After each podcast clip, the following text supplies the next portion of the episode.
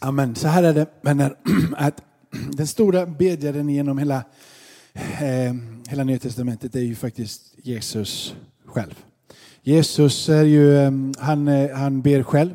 Jesus ber tillsammans med sina lärjungar. Jesus eh, ber på morgonen. Jesus eh, ber på natten innan till exempel han väljer ut sina tolv lärjungar.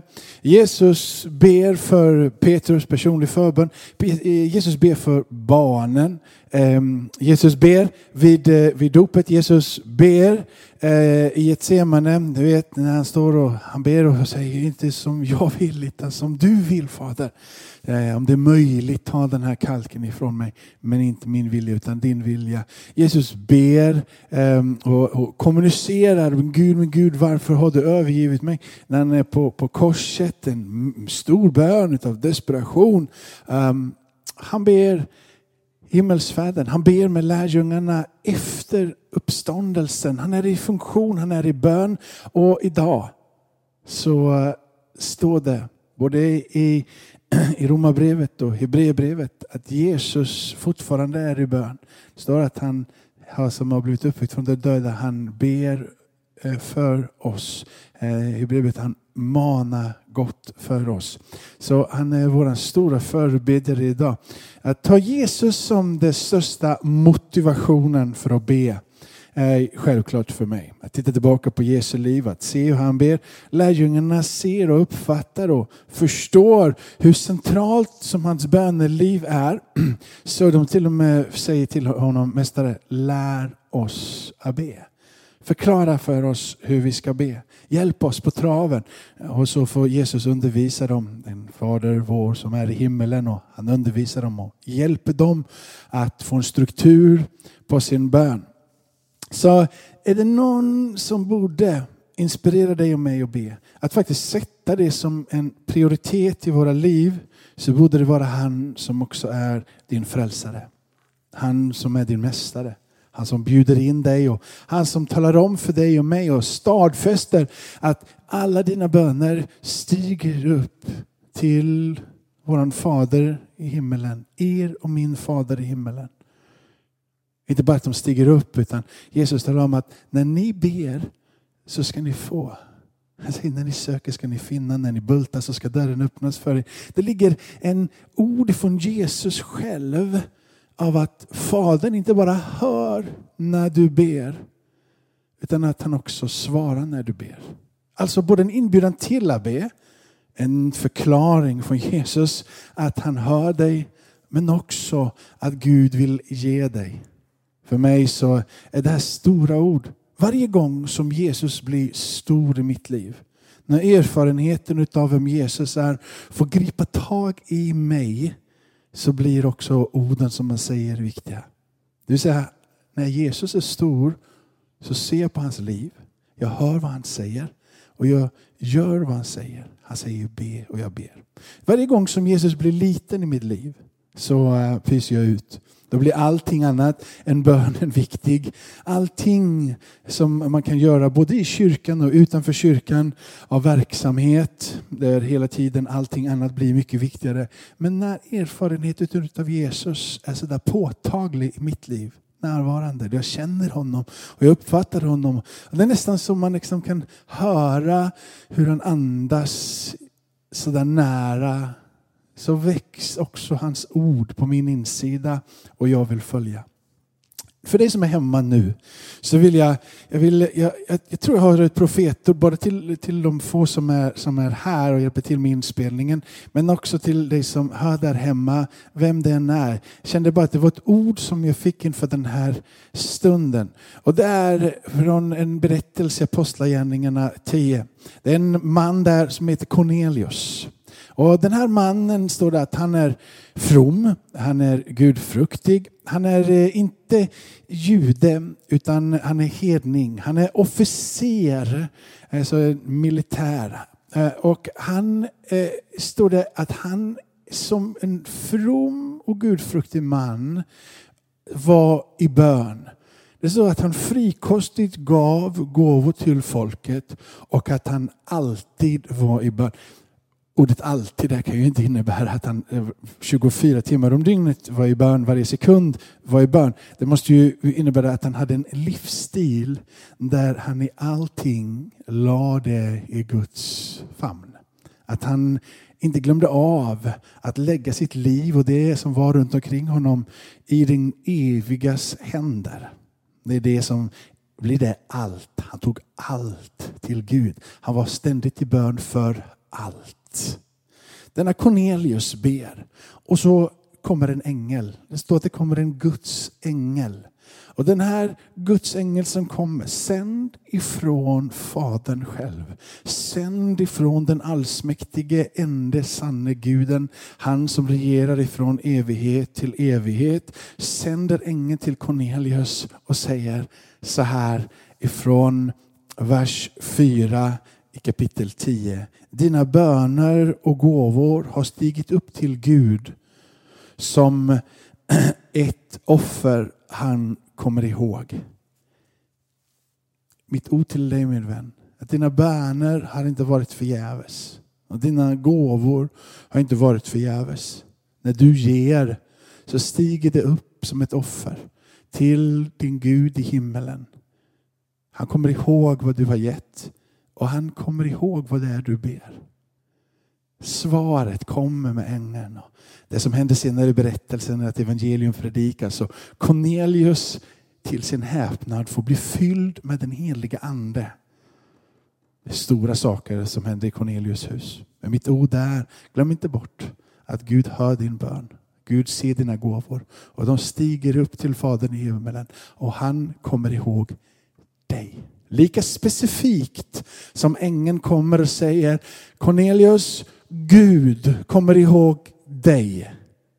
Så är min hälsning ifrån det här ordet till dig att Gud kommer ihåg dig. Just dig. Gud har inte glömt dig. Och Det han vill är väcka på din insida längtan igen, hoppet igen, förtröstan igen, liksom att du igen vågar bara ställa, jag ska minsann inte sluta be. Jag ska minsann inte sluta att hoppas på Gud. Han är min hjälp i nöden. Vi skojade lite här innan om Arsenal, en av gänget som är här, eh, håller på Arsenal. Arsenal förlorade och Arsenal faller som en fura i den tabellen som är då Premier League i England. Och han, min kompis här, han sa det att jag ger inte upp hoppet, för Gud är allting möjligt. Och det är så, när saker och ting faller och håller på att rasa, så tillsammans med Gud så är allting möjligt. Hörde du, tänk på det här då, ett bibelord till. Det står så här ifrån Efesierbrevet kapitel 3, ifrån vers 14 till vers 17. Därför så böjer jag mina knän för Fadern.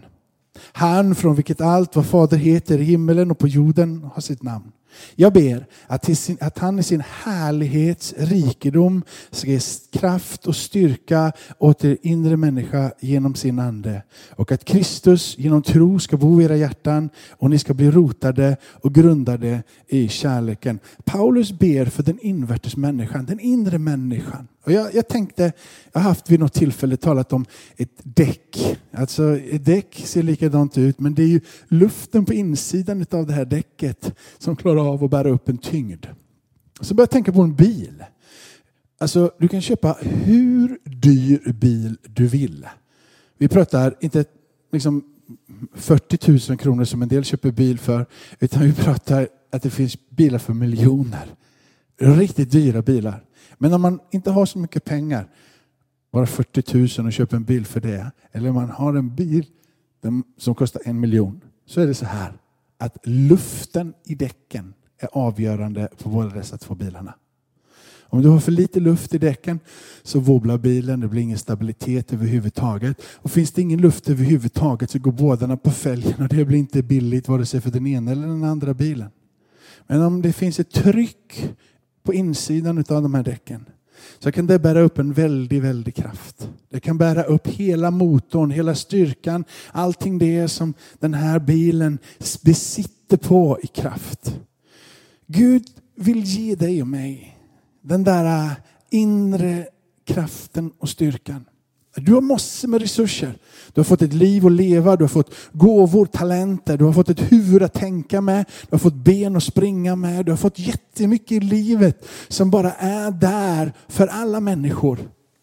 Frälst eller inte frälst, och vad man än rör sig i samhället. Man är ledare för ett parti, eller man är till och med statsministern, eller man är inte ledare för någonting överhuvudtaget, så har vi alla fått olika gåvor.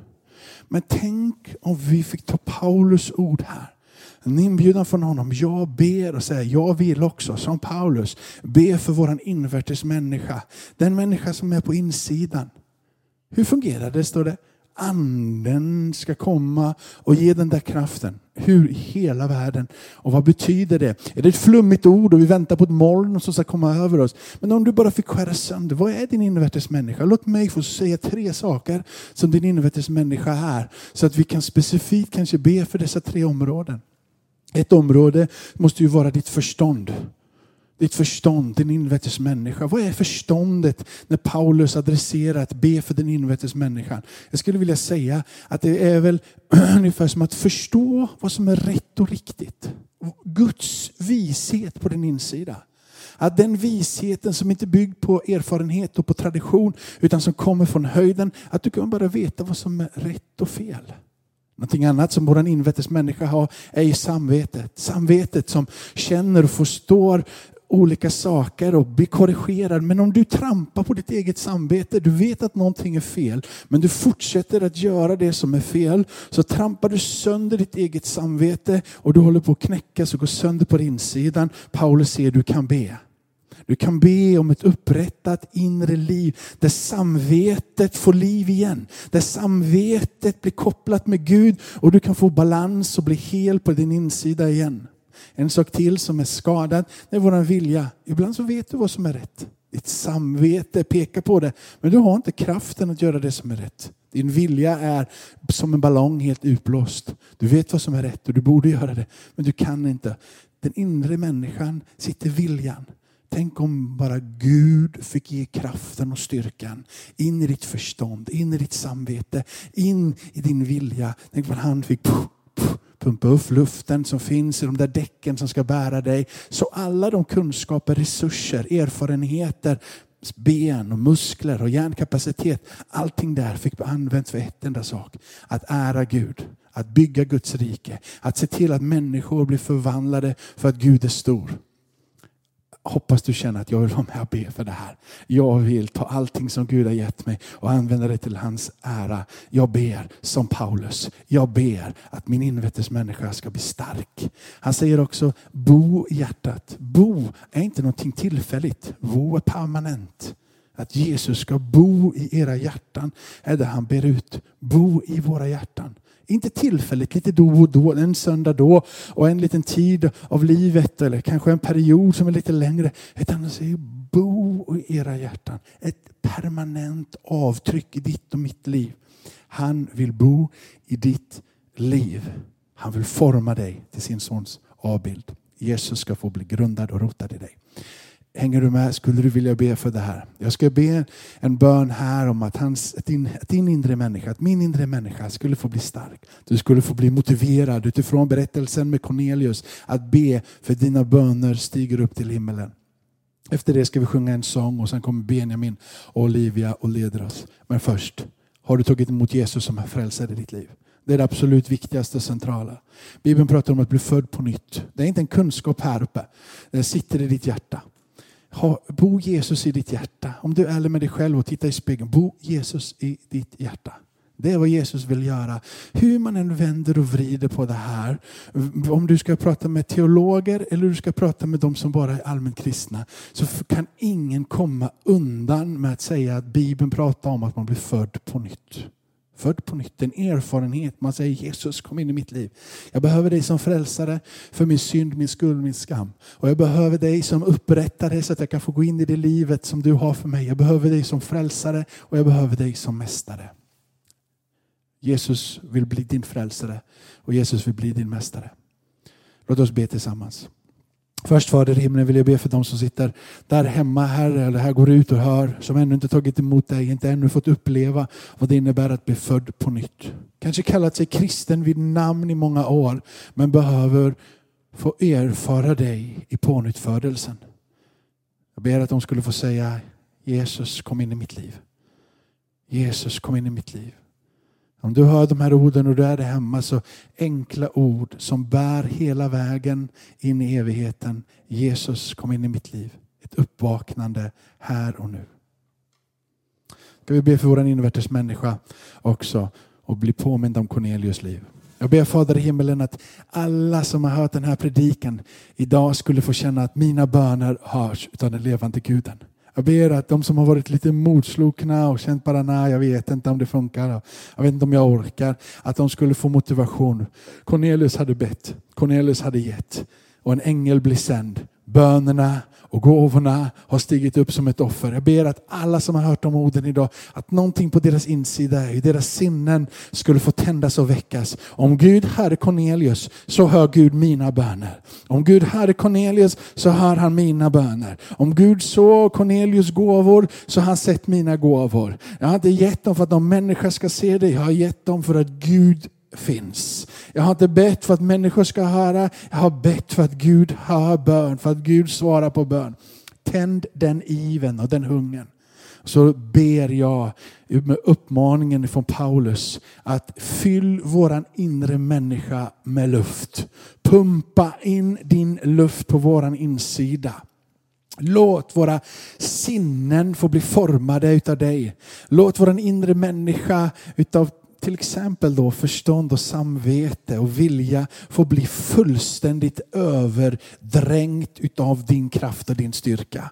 Vi behöver dig. Om, vi, om Paulus ber på det här sättet, då behöver vi be för det här sättet. Om Paulus ber för andra på det här sättet, så borde vi be för andra på det här sättet. Vi vill ta exemplen i skriften och vi vill be.